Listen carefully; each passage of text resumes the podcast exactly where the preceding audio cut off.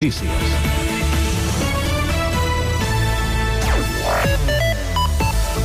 Bona tarda. Sant Cugat és una ciutat segura, així ho afirma el conseller d'Interior, Joan Ignasi Helena, que aquest dimecres ha encapçalat la Junta de Seguretat Local del municipi.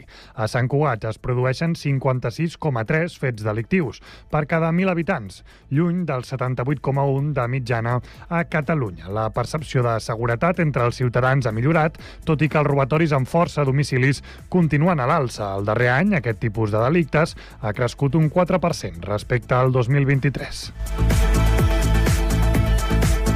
L'onada de robatoris amb força a l'interior de vehicles està sota control. Segons els Mossos d'Esquadra, el darrer trimestre de l'any s'han reduït a la meitat les denúncies per aquest fet delictiu, mentre ha estat en marxa l'operatiu policial específic per fer front a l'increment d'aquests robatoris. La coordinació entre els Mossos i la policia local, la campanya informativa i el suport de drons han permès diverses detencions i identificacions vinculades als robatoris. Ara el cos valora si cal allargar aquest operatiu. El nombre de multes per excés de velocitat interposades al tram d'autopistes que va del Papiol a Granollers i que passa per Sant Cugat s'ha multiplicat per 18 des que es va reduir el límit a 100 km per hora. El canvi es va efectuar el 25 de novembre de 2022 i per això comparem el nombre d'expedients del 2023 amb els de 2021. Així, l'any passat es van iniciar 149.910 expedients a la B30 i al tram de la P7.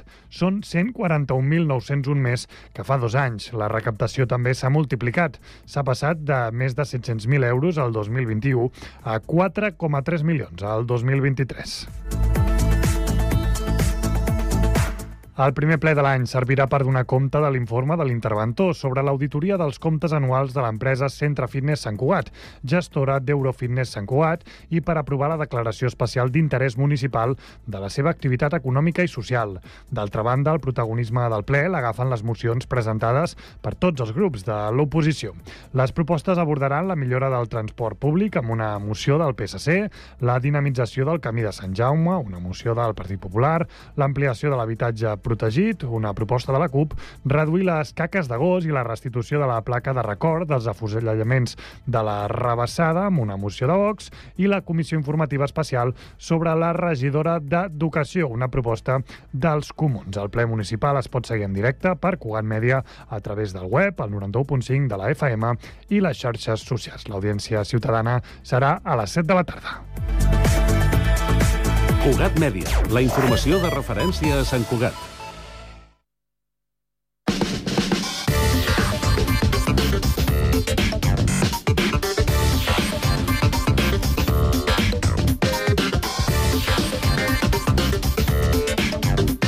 5 de la tarda, 3 minuts, inici de la segona i última hora d'aquest Connectats de dimecres. Anem amb la informació de servei. Comencem amb el trànsit. Eduard Sánchez, bona tarda. Hola, bona tarda. Doncs de moment encara una situació més o menys estable, raonable, pel que fa a la mobilitat sense grans complicacions. Hem de dir, per exemple, en el cas de la C58, hi ha un vehicle variat a l'altura de Ripollet, en sentit nord, sentit Terrassa, ocupant un carril. De moment no genera molta cua, sinó una mica més de lentitud en aquest punt de l'autopista, cal passar en Prudència. I pel que fa ja volum de trànsit, en el cas de l'autopista P7, comencen a plena a la zona de Cerdanyola, Barberà, en sentit nord, en sentit Girona, o, per exemple, l'autopista del Maresme, és a dir, en aquest cas el tram de Montgat de la C31-C32 en sentit nord, en sentit uh, Mataró. A les, dues rondes, uh, a les dues rondes el trànsit va creixent, especialment a la ronda de dalt, en els dos sentits de la marxa, entre Sant Gervasi i Vallcarca, sentit Besòs, i també d'Horta a Vallcarca en sentit eh, Llobregat. És tot, bona tarda. Gràcies i bona tarda. Anem ara al Transmet per saber com està funcionant el transport públic. Àlex Cubells, bona tarda. Hola, bona tarda. Doncs informem que ja s'ha restablert la circulació a la línia R1 de Rodalies entre Blanes i Massanet-Passanes. S'espera que al llarg del dia es produeixi una recuperació progressiva dels horaris i freqüències de pas del servei. Recordem també que la línia R4, degut a una nova fase de les obres del corredor mediterrani, que realitza DIF, estarà sense servei ferroviari entre Vilafranca del Penedès i Sant Vicenç de Calders fins al 16 d'agost, de dilluns a divendres, de 8 del matí a 7 de la tarda i entre entre dos quarts de 10 i dos quarts d'11 de la nit. S'habilitarà un servei alternatiu per carretera. I finalment mantenim la informació de les obres de millora a la R3 de Rodalies que provoca que el servei entre Parets del Vallès i el Figaró també s'hagi de realitzar per carretera, afectant d'aquesta manera els temps de desplaçament. I de moment això és tot des del Transmet. Us seguirem informant de qualsevol novetat. Bona tarda.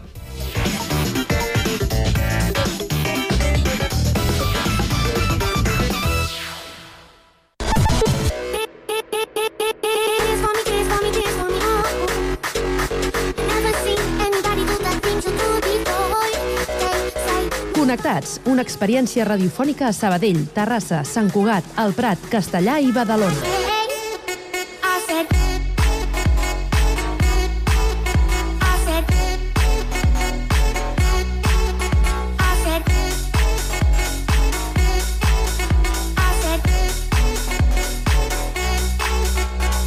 Connectats amb Carme Reverte.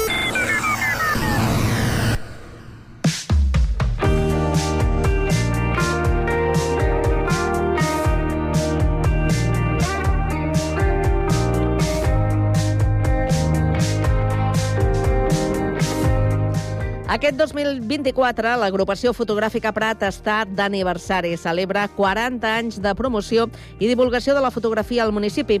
Al Connectats avui volem fer un viatge al passat de l'entitat i també conèixer en detall el present i els reptes de futur que s'hi plantegen. Per això ens n'anem fins al Prat, als estudis del Prat Ràdio, on es troba el nostre company Jonathan Marín. Molt bona tarda, Jonathan. Què tal, Carme? Bona tarda. I no estàs sol, eh? No estic sol, la veritat és que estic molt bé acompanyat amb un bon grapat de socis i fundadors d'aquesta Una entitat. bona que colla. És molt, Una bona colla, sí. Bona colla. Fins, fins a quatre han vingut. Havien de venir cinc, però finalment un ha estat baixa i, per tant, doncs, aquí tenim a quatre representants avui de, de, de l'entitat, de l'entitat eh, socis i fundadors, que, Mm. doncs, com dèiem, és, és molt coneguda pels pretens i pretenques i tot un referent en el món de la fotografia. Per fer un repàs, per tota la seva trajectòria, saludem al Fernando Vecino, bona tarda, Hola, bona tarda. Al Josep Lloret, bona tarda, Hola, bona tarda. al Dionisio Siles, bona tarda, Bona tarda. i en Luis García, bona tarda. Bona tarda a tothom. El primer de tot, eh, felicitats a, a Gràcies. tots quatre i, i a, i a l'entitat. Mm, la primera pregunta la llenço i, vos, i qui vulgui la respon. Um, com recordeu els inicis de l'entitat? A veure, aquí senyal l'escapa cap al Josep. Les... Eh, van, van, van començar, de fet, van començar amb un recull de signatures que l'Ajuntament ens va demanar per poder-nos deixar un local.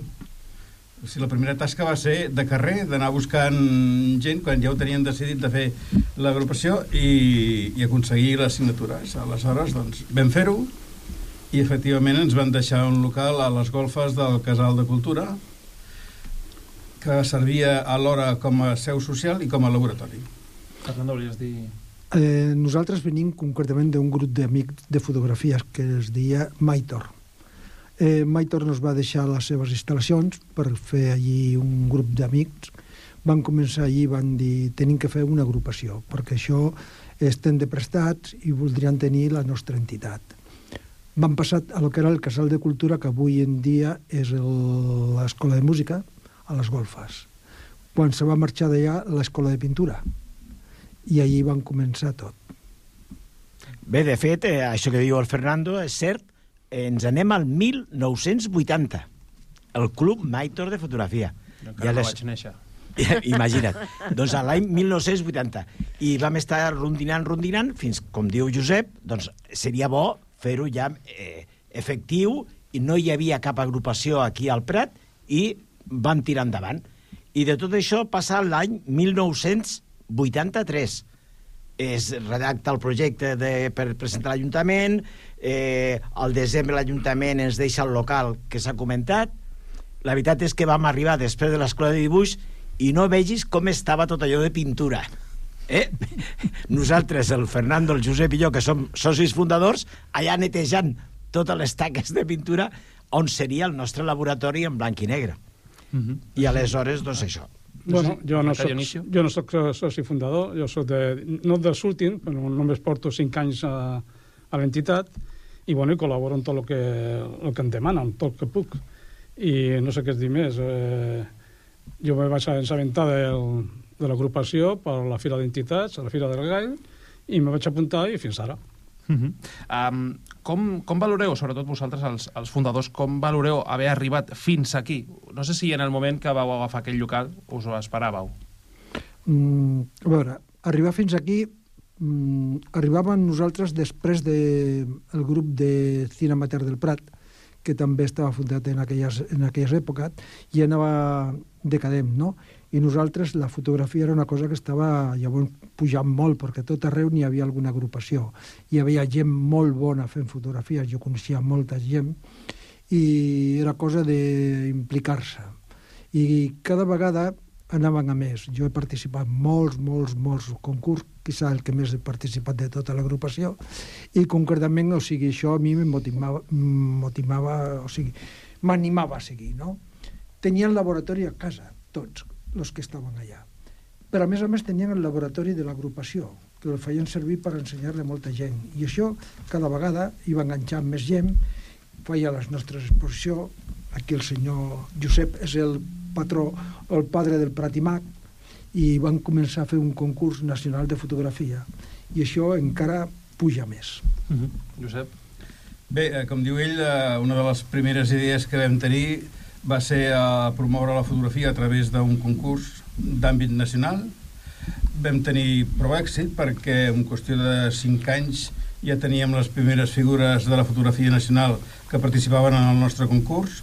Això ens va donar a conèixer a moltes altres entitats, sobretot de Catalunya, Barcelona principalment, i eh, també va traure més gent que es va venir a la- a l'agrupació. La, clar, les exposicions que fèiem en aquell moment eren interessantíssimes i, a més a més, teníem la sort de que les fèiem a locals que eren d'accés públic fàcil, no com ara que no tenim un lloc Aprova't una mica al, al micro, Josep, que ara, que si no, no et sentim del tot bé. Ara sí, perfecte, deies. No, deia que en aquella època, al començament, vam tenir de gran sort de comptar amb una sèrie de locals que estaven a peu pla i que les exposicions que fèiem, no tan sols del Pratimac, sinó també d'altres que se'n van fer, doncs van tenir prou èxit de públic perquè la gent passejava, com a fa ara, i, home, mira, què fan aquí? I entraven i veien les exposicions.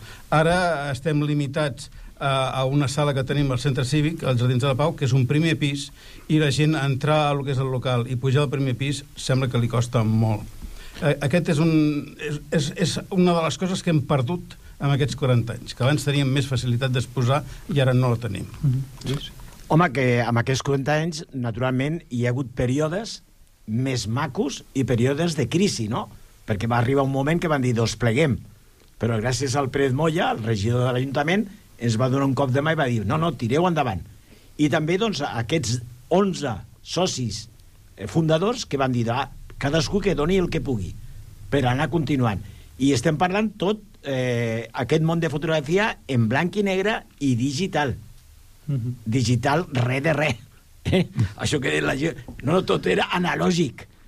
Després es produeix el gran canvi al camp digital, no? Però van començar tot analògic. Teníem el nostre laboratori en blanc i negre i fèiem les pràctiques, els cursos bàsics. No hi havia tanta internet com ara. Avui en dia, doncs... No, ja, ja va passar una cosa molt curiosa ja al, al Casal de Cultura. No havia sala d'exposició, no podien exposar fotos. I jo vaig dir, escolta, si tenien aquí un puesto per exposar les fotos fantàstic, fantàstiques. On, on, on? Al passillo que eh, dona accés a les sales de, del teatre. No volien. Al principi no volien. Al final no es van deixar posar-les allà. I va ser un èxit impressionant, perquè tota la gent que anava al teatre o alguna activitat que es faci allí veia l'exposició. En aquests 40 anys heu vist i viscut de tot. Alguna anècdota que, que teniu, algun dels quatre, així... Curi... Ensenyaleu cap al, cap, al, cap al Josep sempre. Josep sempre t'ensenyalant a tu. Alguna anècdota curiosa, graciosa, en fi, a destacar d'aquests 40 anys que ara mateix us vinga al cap?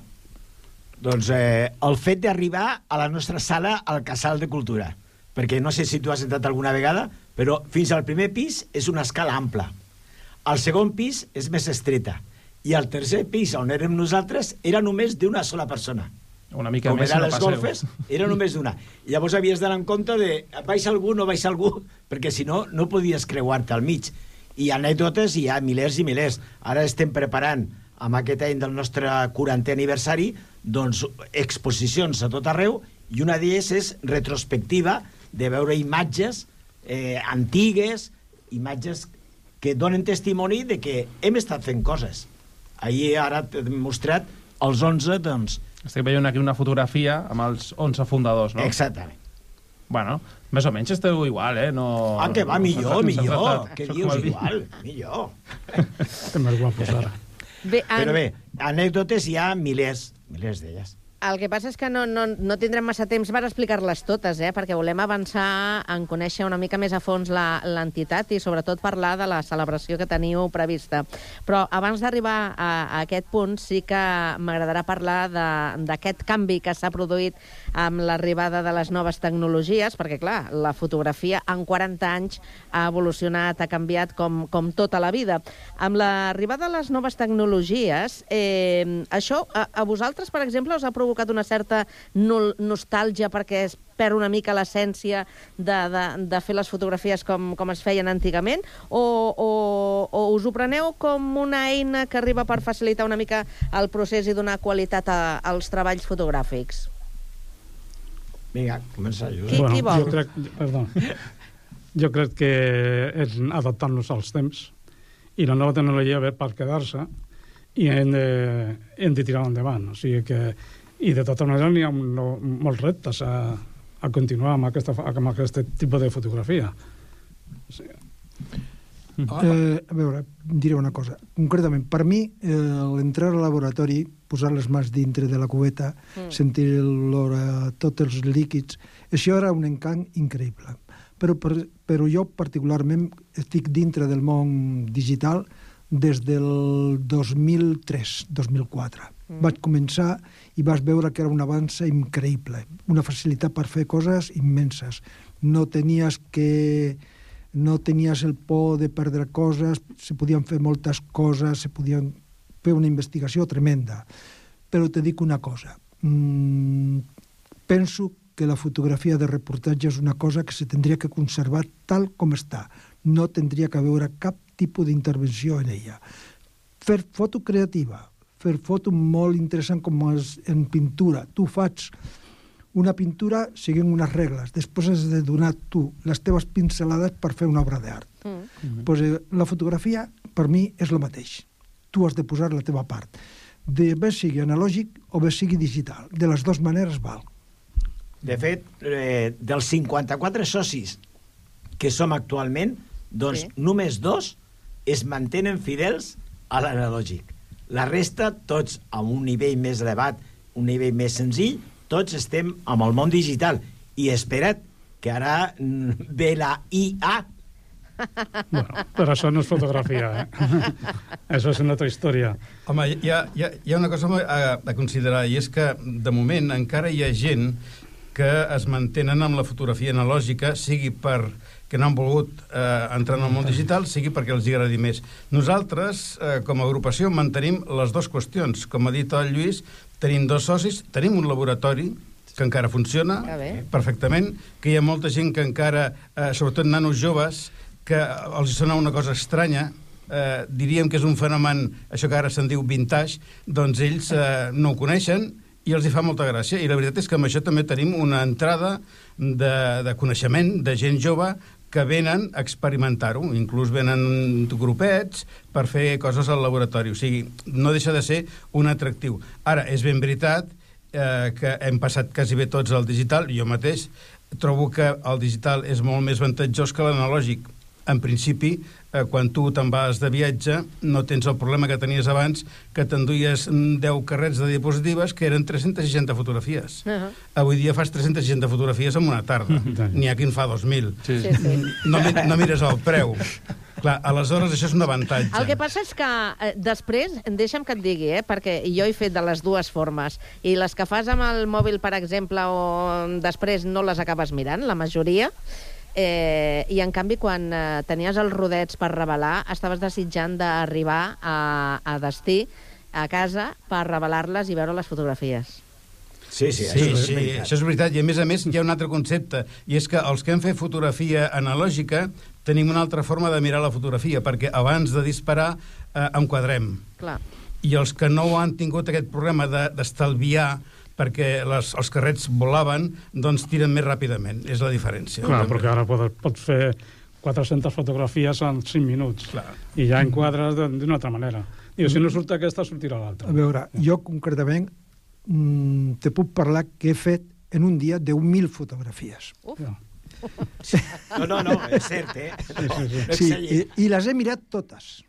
Bueno, I he escollit. D'aquesta manera, I he no? apartat... Sí, d'aquella no, manera. No, no, a veure, ràpidament, si tens eh, l'ull educat a mirar, veus el que has d'apartar i el que no has d'apartar. Jo faig una escollida, a lo millor em quedo, pues, que de les 10.000 me quedo amb 1.500 fotografies. I d'aquestes faig una altra criba. I faig una criba i em quedo 500 fotografies, que són les que jo començo a tratar o començo a mirar o començo a, a ordenar, no?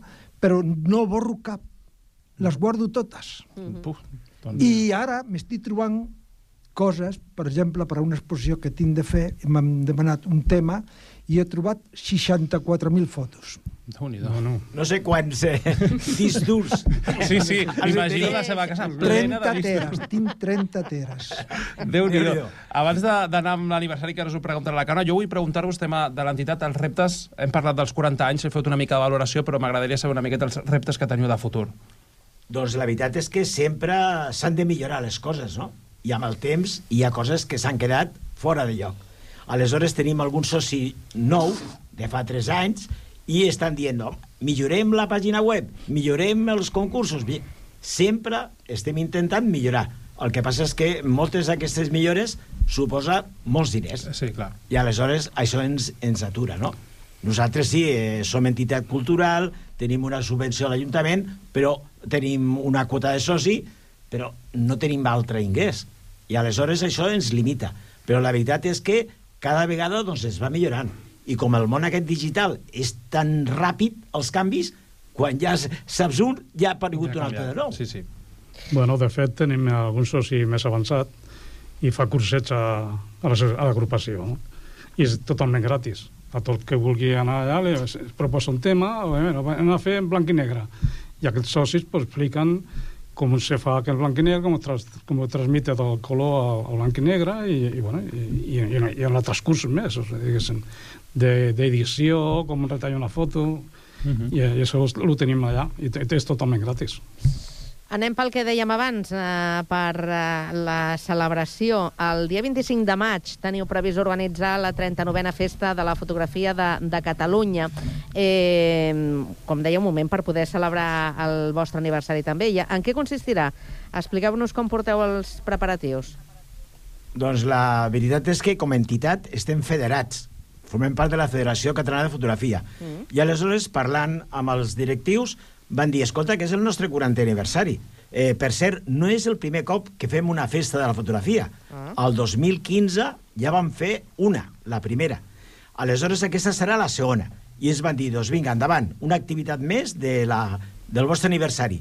I la veritat és que estem barallant eh, moltes possibilitats, eh, es calculen unes 130 persones de tot arreu, de tota Catalunya, i la veritat és que hem pensat donar a conèixer el Delta, que ja la gent ja el coneix, però donar la versió aquesta agrícola, la versió natural i la versió de manteniment de la natura, no? Mm. Doncs una visita a la platja, a la Pineda, una visita al, a les zones de...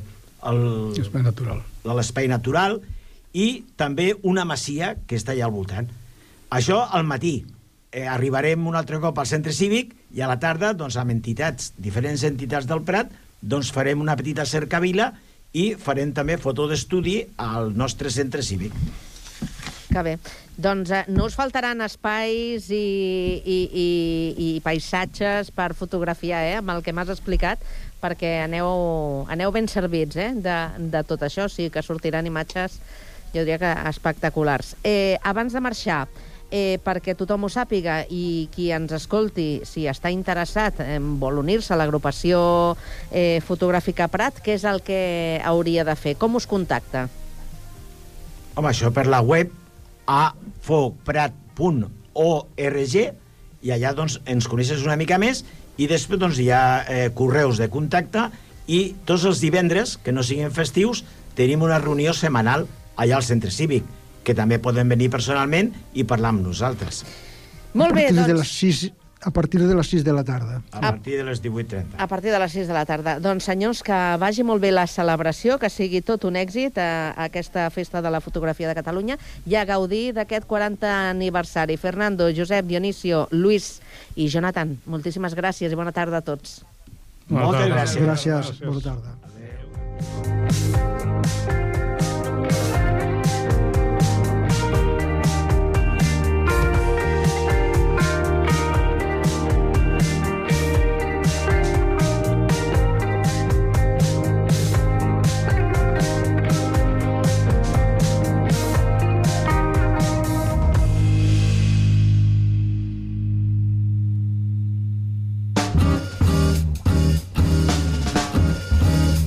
molt de gust. Aquest podcast és una producció de Ràdio Municipal de Terrassa.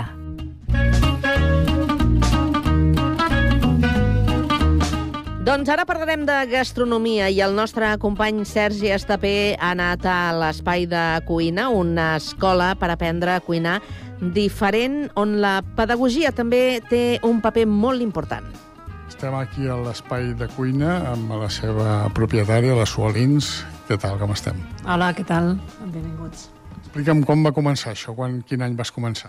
Nosaltres vam començar el 2005, uh, un dia passejant per Terrassa, uh, el meu marit va entrar dintre el recinte del vapor Ros i va trobar aquest petit local i bueno, a partir d'aquí vam començar a posar fil a l'agulla. Jo sóc eh, pedagog, eh, a més a més de cuinera i pastissera, i bueno, doncs ens va sorgir la idea de, de no muntar un restaurant per no deixar la part eh, pedagògica i, i vam decidir muntar l'escola de cuina. Vam pensar que era una bona opció, era una manera, teníem una manera de, de pensar eh, per ensenyar a cuinar diferent a lo que hi havia fins ara, més didàctic, eh, més pràctic sobretot, i aleshores el 2005 vam, posar, vam començar a posar fin a l'agulla i vam començar a fer obres i amb 3-4 mesos eh, pràcticament vam estar, vam estar instal·lats i vam començar a, a formar petits cuiners, que diem. Eh, Tu, com deies, la teva formació era, vas formar en pedagogia i arriba un moment que, no sé, se t'encén la bombeta, suposo que era una cosa que a la cuina ja la portaves dins, no? i de sobte fas, decideixes fer un, bueno, un pas diferent, no? Doncs, a veure, la meva família tots tenen, eh, estem tots relacionats una mica amb la gastronomia. Eh? El meu tiet, els meus tiets tenen d'un parell de restaurants a Montseny, la meva cosina també està relacionada amb el tema de la gastronomia a Brasil, amb, un, amb, una, amb una empresa eh, relacionada amb el tema i, i sempre havia estat, jo crec, latent una mica en, el, en la meva manera de, de pensar i de fer, no? I, mm, I sí, sí, la veritat és que va ser arrel d'acabar pedagogia que vaig començar a fer petites coses en una escola de, de Barcelona i aleshores, a partir d'aleshores, vaig començar a fer cursos, formació i, i ho vam anar entrelligant. Sempre havia estat latent, eh? no havia fet massa coses, sí que havia treballat al restaurant dels meus tiets, però no a cuina, sinó a sala, però des d'aleshores doncs, eh, eh, vam començar a posar pues, això, una mica en marxa tot el projecte. Jo crec que va ser, va ser la, la, el vincle, no?, les dues coses. Tenies molt clar que un restaurant no. Per, per quin motiu? Per, suposo per, no sé si tema horaris o tema conciliació familiar. Com, per què no vas voler un restaurant? Eh, a veure, suposo que tothom vol un restaurant, no? Però mm, un restaurant moltes vegades, com tu dius, no? el tema família a vegades és difícil de gestionar eh, i sobretot em feia molta pena eh, deixar tota la part docent, no? perquè realment m'agrada molt, m'agrada, jo gaudeixo molt ensenyant a la gent a cuinar. No? La gent ve, aprèn a, jo, la gent que ve a classe eh, eh, crec que després realment gaudeix molt, a part de l'activitat, gaudeix perquè aprèn a, a cuinar el que després es menja. No? Jo crec que uh, no he deixat uh, aquesta part pedagògica, que era el que jo uh, intentava evitar. I tenint un restaurant, doncs, evidentment, tota aquesta part queda totalment desvinculada, a banda d'horaris i d'altres coses. No? Però principalment era la, la raó pedagògica, va ser el motiu per no, per no muntar un restaurant. Parlaves de gaudir, de fet, al, al, web de a la pàgina web de, de de Cuina ho deixeu molt clar, no? que és un lloc per aprendre a cuinar, però per aprendre també a gaudir, no? perquè a vegades cui, es pot cuinar de forma molt mecànica, però jo suposo que la teva filosofia era aquesta, no? que la gent gaudeixi cuinant. Clar, la idea és que, que l'estona que, que està preparant el menjar ha de formar part eh, d'aquest savoir-faire que diuen els francesos, no? A vegades em passa que molta gent ve aquí a, a, a, fer classes, no? I em diuen, ostres, això que ens estem menjant és boníssim, però clar, trigues molt temps a fer-ho, no? I després venen, s'ho mengen i en 3 minuts s'ho han menjat. És cert, és així, o sigui, però jo crec que, que, que has de disfrutar de l'estona que trigues a, a fer-ho. Això ha de formar part de, de la cuina, no? No ha de ser jo em passo dues hores cuinant perquè s'ho mengi tothom en 5 minuts, encara que realment sigui molt gratificant qui per qui s'ho menja, eh? però ha de ser el conjunt. O sigui, tu has de disfrutar de tallar la ceba, de veure com un sofregit va evolucionant, de, de, de com una massa fermenta en un bol, creix i després ho transformes. Jo crec que ha de ser... Això ha de ser cuinar, no només menjar-s'ho. Vull dir, ha de ser... El, la gent ha de gaudir fent-ho. Crec que és important. Esteu oberts a totes les edats o hi ha un, un target concret? No, tenim bàsicament totes les edats, eh? Treballem amb adults, eh, als vespres sobretot, evidentment, als matins també tenim adults, i els nens venen a l'estiu sobretot, que fem campus, però tenim una activitat extraescolar, tant per petitonets com per més grans, eh, pels divendres a la tarda. Venen un parell d'hores i fan unes activitats, bueno, fan cuina, o sigui, no, no, no venen a decorar galetes. Fem una feina pedagògica, els ensenyem a pesar, els ensenyem a, a tarar, els ensenyem a la manera de com es treballa, com s'amassa, tant els petitonets com els grans, eh? Tots, tots, la veritat és que tots treballen en aquest sentit per igual. I, I els cursos o el que sigui s'estableix amb unes bases o també he vist que feu uns monogràfics, no? Com, més o menys com ho teniu estructurat, això?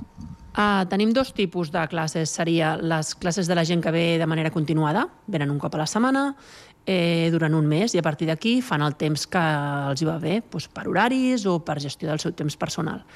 Aleshores, a banda d'això, per la gent que no pot venir de manera continuada, tenim els monogràfics.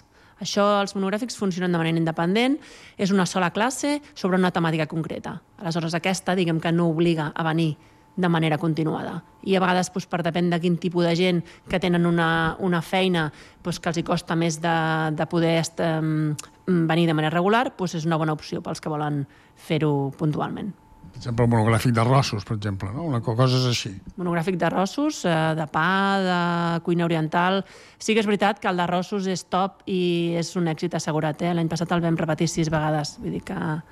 Mm, jo crec que és un tema molt interessant, eh? poder fer, aprendre a fer un bon sofregit o una base, un bon fumet o un bon brou.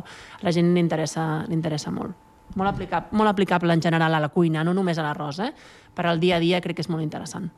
I la gent que ve ja són gent interessada en la cuina o que es volen iniciar o teniu, suposo, de tot? Hi ha de tot, eh? Ja tenim gent que fa molt temps que ve, gent que, que pràcticament va començar amb nosaltres el 2005, que...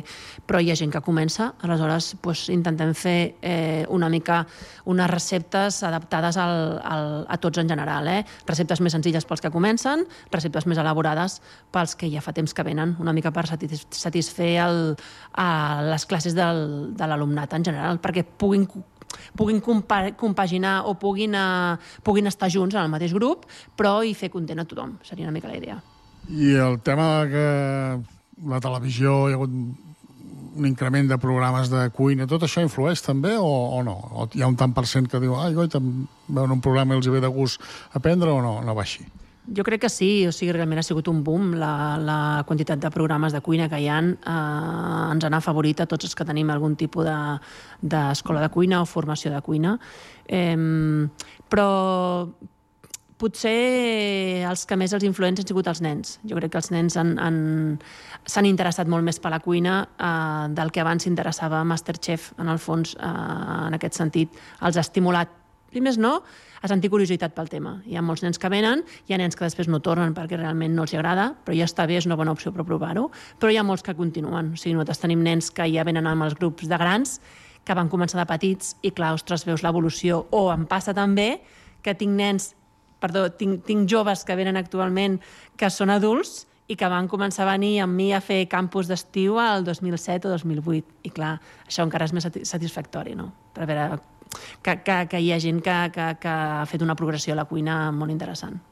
Són joves que pensen dedicar-s'hi professionalment o, o ho tenen com a afició o, o hi ha de tot? A veure, la veritat és que, que realment hi ha de tot, eh? Però sí, per aquí han passat eh, un parell o tres de joves que actualment eh, estan en el, en el món culinari de- d'alta estrella Michelin. O sigui, mm, han, passat, han passat per aquí doncs, nanos que no sabien, dubtaven, eh, estaven estudiant altres carreres que no eren la cuina i tenien inquietud i realment després d'aquí doncs, van, es van derivar cap al, cap al món culinari. Sí, sí, molt contents. Espai de cuina, eh, també ho deixeu clar a, a la vostra web, és 100% participatiu, no? És a dir, no voleu gent... Voleu que la gent participi, no gent que va escoltant i prou, sinó que la, durant les classes participin activament. De fet, eh, nosaltres, eh, el nostre lema és aprendre a cuinar cuinant. Perquè sí que és veritat que, a veure, hi ha una part de teòrica, perquè hi ha una part de teòrica que hi ha de ser, perquè és el moment en què jo crec que el professional dona recursos i dona explicacions i dona sobretot eines perquè la gent, eh, si no té determinats ingredients, sàpiguen amb què es pot substituir. Això ho fem, i fem una petita part teòrica que aprofitem en algun impàs de la classe per fer-ho però al final la gent, eh, com tots, amb totes les coses, no només a la cuina, quan tu aprens és fent l'exercici de tallar, eh, sofregir, eh, mesurar, no? Jo crec que és la manera més òptima, perquè eh, per fer docència eh, eh, modo, com diuen això, mm, eh, show, no em surt el nom ara, mm, no em surt. Bueno, eh, qualsevol eh, vídeo, qualsevol accés a qualsevol xarxa social, eh, tens algú que et pot explicar com fer una recepta, no? Llavors, show cooking, que no em sortia la paraula, no? O sigui, tu estàs, eh, ells estan sentats i tu fas i fas una demostració, no?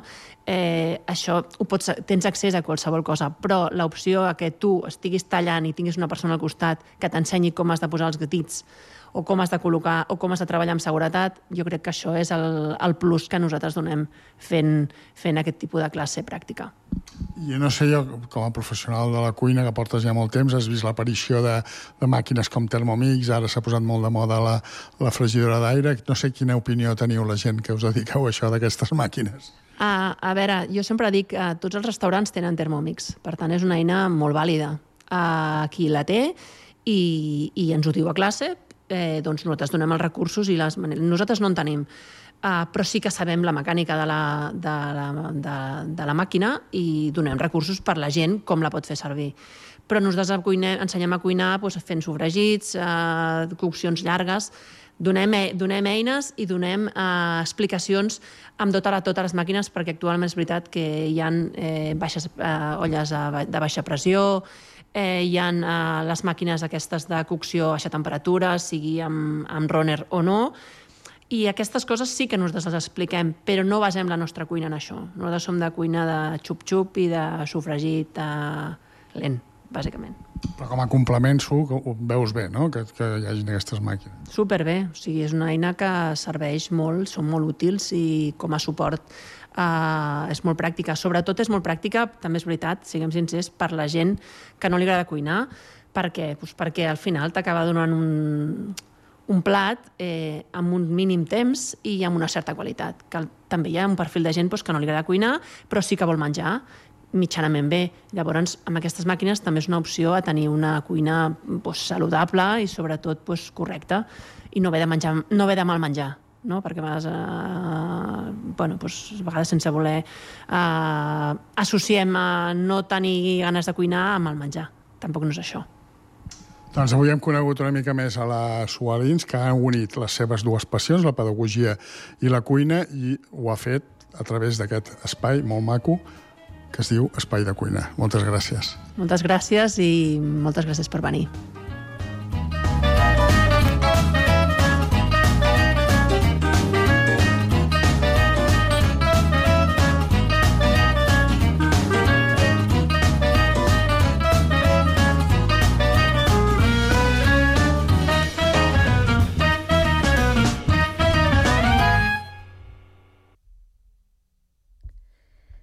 Tal dia com avui, del 1944, naixia François Hardy a París. Uh, va desenvolupar una carrera exquisida de cantautora amb tocs de pop i un sentit elegant de l'acústica. Figura destacada dels anys eh, 60 de la música francesa, va fer una llarga pausa i va tornar a la música a finals dels 90, rebent el reconeixement dels impulsors del nou pop francès. És l'autora de Comment te dire adieu, Le temps de l'amour, o aquest eh, Tous les garçons et les filles. Et la main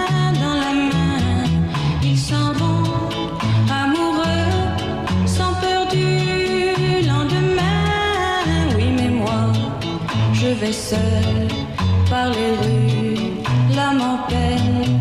Oui, mais moi, je vais seul, car personne ne m'aime.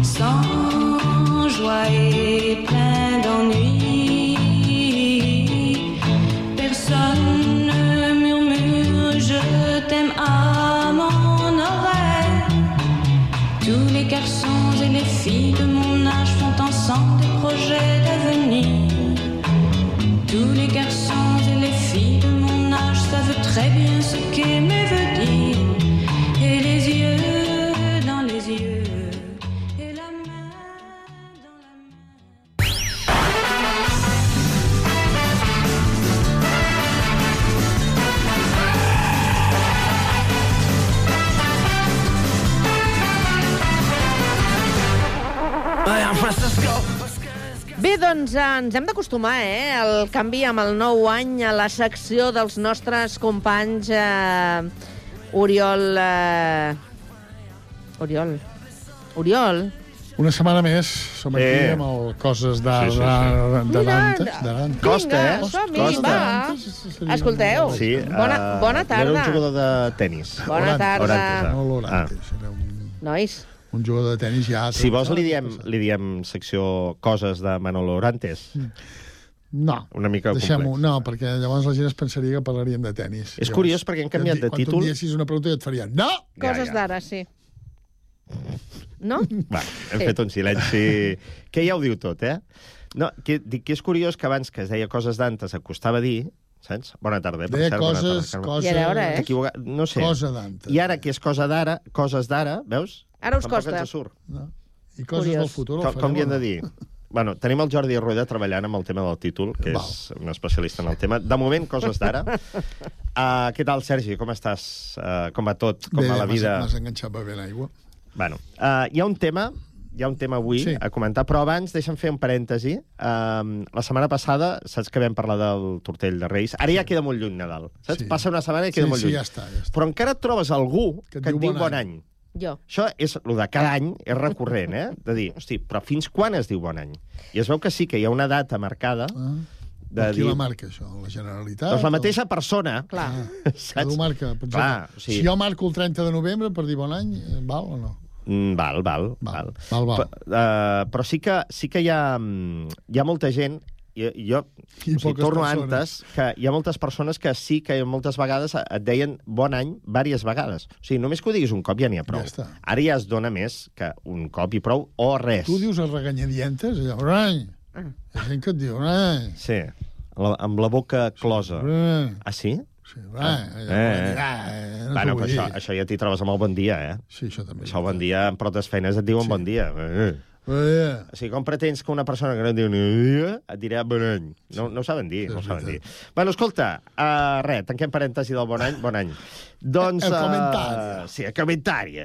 Bueno, uh, mira, una mica, una mica relacionat uh, amb el Nadal, amb els Reis, amb la joguina. No, una mica, una mica, no, perquè parlarem d'un videojoc que és el Tetris. Ah, home, Tetris, Tetris. home, sí.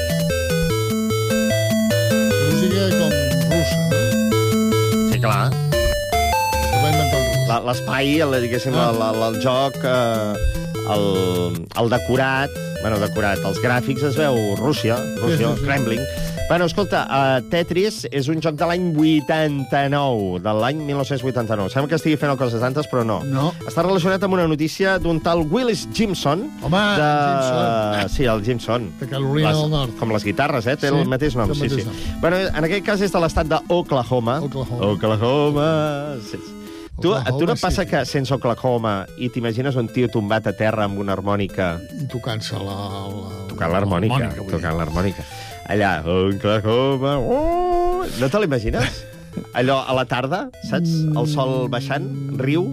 No. El vaixell aquell de Mississippi, saps? Allò del Tom Sawyer? Allò No. aquella... No? Va. No. Tu sí? Ara, ara ho diré i a veure si et ve tot això. Val, val. Bé, Què li passa? Parlem de Bueno, Willis Gibson, eh, que té 13 anys. Eh, Gibson o Gibson? Gibson d'Oklahoma. De Gibson Brothers, T'ha que vingut, no- t'ha vingut allò que t'he dit o no? De l'estat No. d'Oklahoma. M'ha vingut el Tom Sawyer. Gibson Brothers. Doncs, eh, doncs es veu que és un malalt, aquest nen de, dels videojocs, sobretot de, del Tetris. Ah, és un nen? És un nen. Com quants sí, ho he anys dit. 13, 13. Ah, he entès que era un senyor. És eh, 13. No, eh, ja saps que ara està molt... Anava a dir de moda, però, però està a l'ordre del dia que els nens aquests que juguen a videojocs eh, ho ensenyen per internet. O sigui, Sí, es sí. connecten en directe per YouTube o Twitch, o Tocs digue-li com vulguis. I tocs i xup, i tic-tacs. I llavors en directe van jugant amb la partida, que jo a vegades he vist els meus fills, no sé si t'has Sí, sí, trobat sí, també sí. amb els teus, Ho he vist, ho he vist. de dir, què esteu fent? Què esteu Jugueu mirant? vosaltres en lloc de mirar un altre. Ara! No, és que estic mirant aquest que està jugant. a- Però quina gràcia té veure no té algú que gràcia, juga? ho entens. Si amb el teu germà... Sí, fes-ho amb el teu germà quan Clar. juga. Mira, tal, ah, que no el suportes? Doncs igual! Exacte. Tio que no coneixes de res. Tio allà que... que, Home, i que crida, que crida. va. Ah, ah. I que es Bueno, fa l'enterat. L'enterat. L'enterat. Bueno, flipat. Bueno, doncs aquest, el Willis... El Willis... Uh, ja està, ja està. Doncs uh, és un malalt del Tetris. Enterat.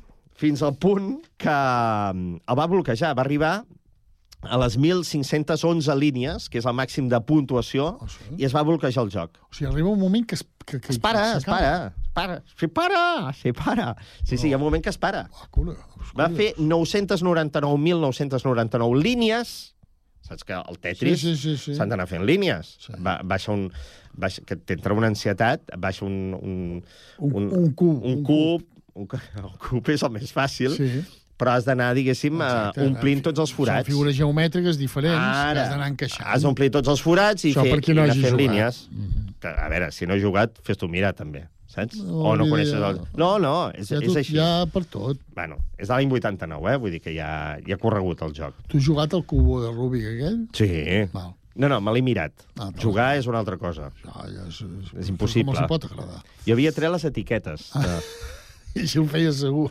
No ho havies fet, tu, això? No, no, no. Sí, Sí, és sí. que no n'he tingut mai cap. Sempre ha sigut... Eh... La brillant idea de treure les etiquetes i després no enganxen aquells gomets. No. Llavors buscar altres gomets que no són els mateixos... Bueno, Ja no és el mateix, O també ho havia fet amb un tornavís treure les peces. Llavors, però llavors no, no ho acabaves, clar. No, clar, el No, tiraves. tampoc era el teu objectiu, no? Bueno, acabava el cub de Rubik a les escombraries, això sí. El cub de Clar. Bueno, 1.511 línies, 999, 999, 1.999 línies. Tinc un moment de, del Gibson que, que li va entrar com un atac d'ansietat que ara comentarem. Mira, escolta, ara està jugant al joc... En anglès, eh? Sí, no, però ja l'entendràs, l'entendràs. Això està allà, tiqui, tiqui, tiqui, tiqui. Veus? S'ha quedat bloquejat. Això és ell en directe, eh? És sexe en directe? No, no, és ell, Ah. és, és el nen, Ah. home, és el nen. Sí, sí. Nivell 157. Sí, No, ja, ja. Home, perquè m'has dit tu que és el Tetris. per això ho he explicat. Si no, penso que, Que no, està que ja- dormint al carrer ja- aquell dels bars de Terrassa. Que per això ho he explicat. Va, estàs ja, noi? I el joc anar sonant, eh? Bloquejat allà. Ara Amb muerte, eh? Surt algú i li diu això, que t'hi tornem-hi. Home, calla, home, per favor. Això és el que es deia. Sí, ja ho sé. Doncs aquest rècord es veu que ja estava el 2010 i fins ara, el 2023, Sí, això va ser Gibson, abans d'acabar l'any, Del 2010 al 2013, en Gibson ha sigut l'única persona del món Correcte. que ha bloquejat. un nen de què 13 jugarà, anys. aquest nen? No, ja està. Oh my god, oh my god, ja està. Li va entrar un atac d'angoixa que es va desmaiar un moment. I, i això eh, ho Es dic va perquè, desmaiar, eh? per, per la meva ignorància. Eh? Endavant. Això li comporta algun premi, monetari, Bueno, eh, físic, doncs mira, eh, un obsequi... El, el premi és que un alguna- tio de l'estat d'Oklahoma és protagonista d'una secció de ràdio de... de Catalunya. Catalunya. Catalunya. No, no, cap premi. Aquest xaval, eh? Segurament, segurament, doncs, a YouTube o Nintendo o qui sigui, doncs li farà algun, algun detall, alguna cosa, alguna panera, algun pernil o... Però o això li- és una jo- suposició teva.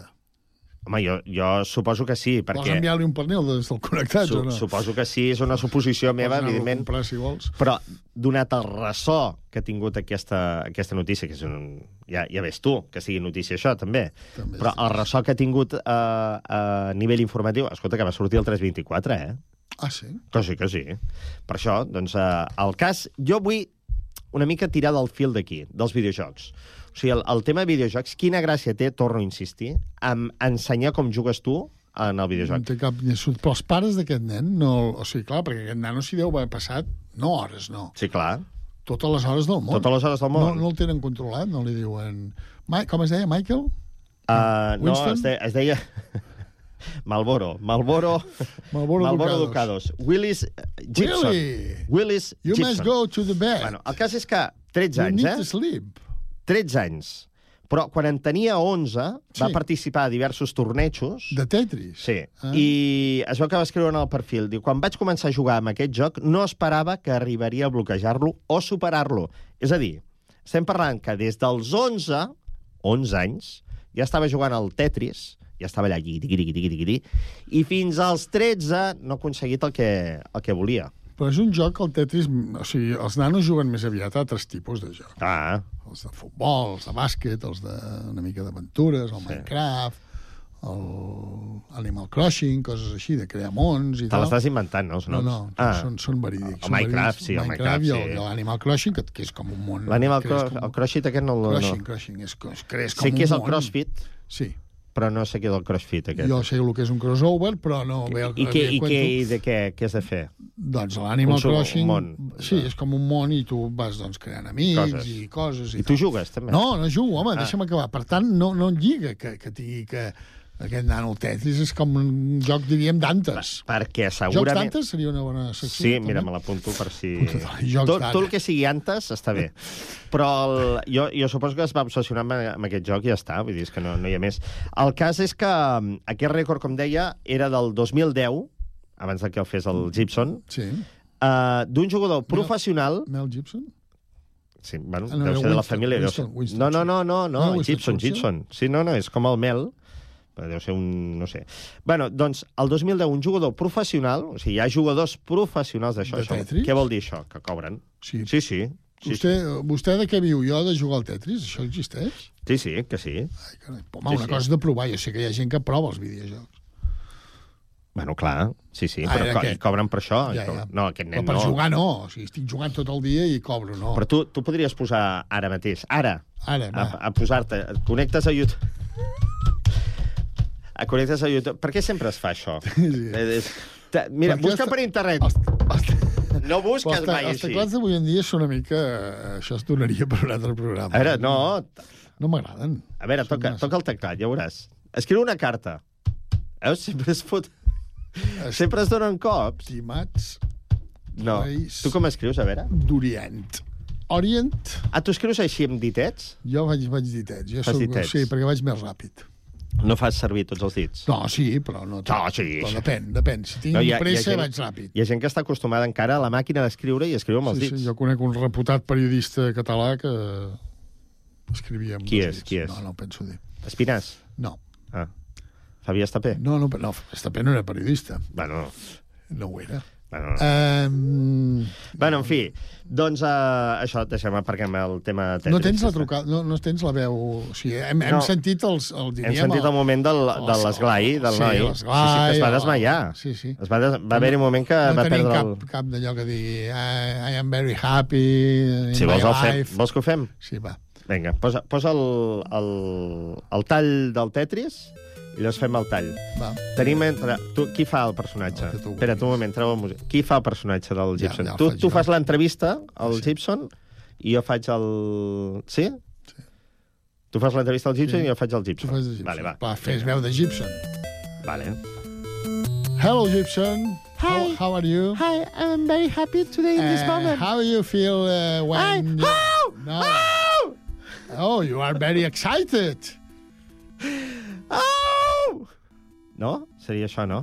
Home, aviam. Hi ha algú sota la taula o què? Bueno, escolta, és que els esglais que feia aquest nen era així, eh? Sí, sí. My God, my God!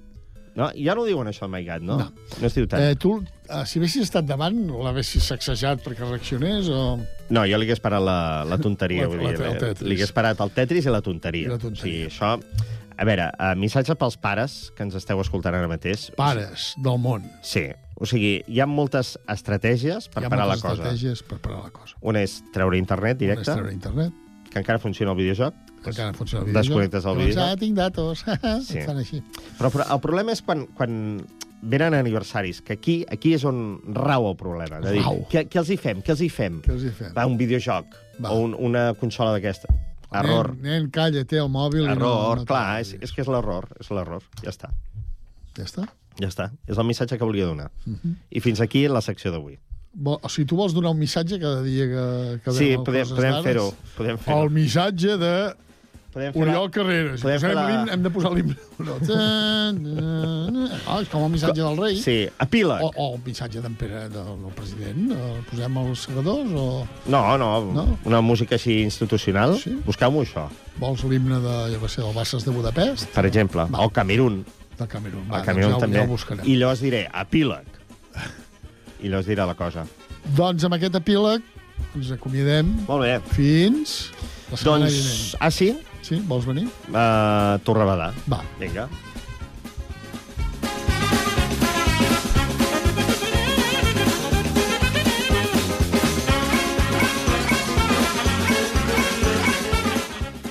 Ai, el Tetris. Qui no ha jugat al Tetris? Bé, doncs avui és el tema d'entreteniment que ens han proposat eh, l'Oriol Carreras i el Sergi Estapé, que tornaran la setmana que ve amb un altre tema d'actualitat, podríem dir. Una actualitat eh, amb una visió, podríem dir, que més eh, distesa, no? Sí, actualitat distesa. Bé, doncs ho deixem aquí. Gràcies per haver-nos acompanyat en aquest dimecres de gener. Demà més, a partir de les 4 i 3 minuts, edició de dijous. Us hi esperem. Bona tarda.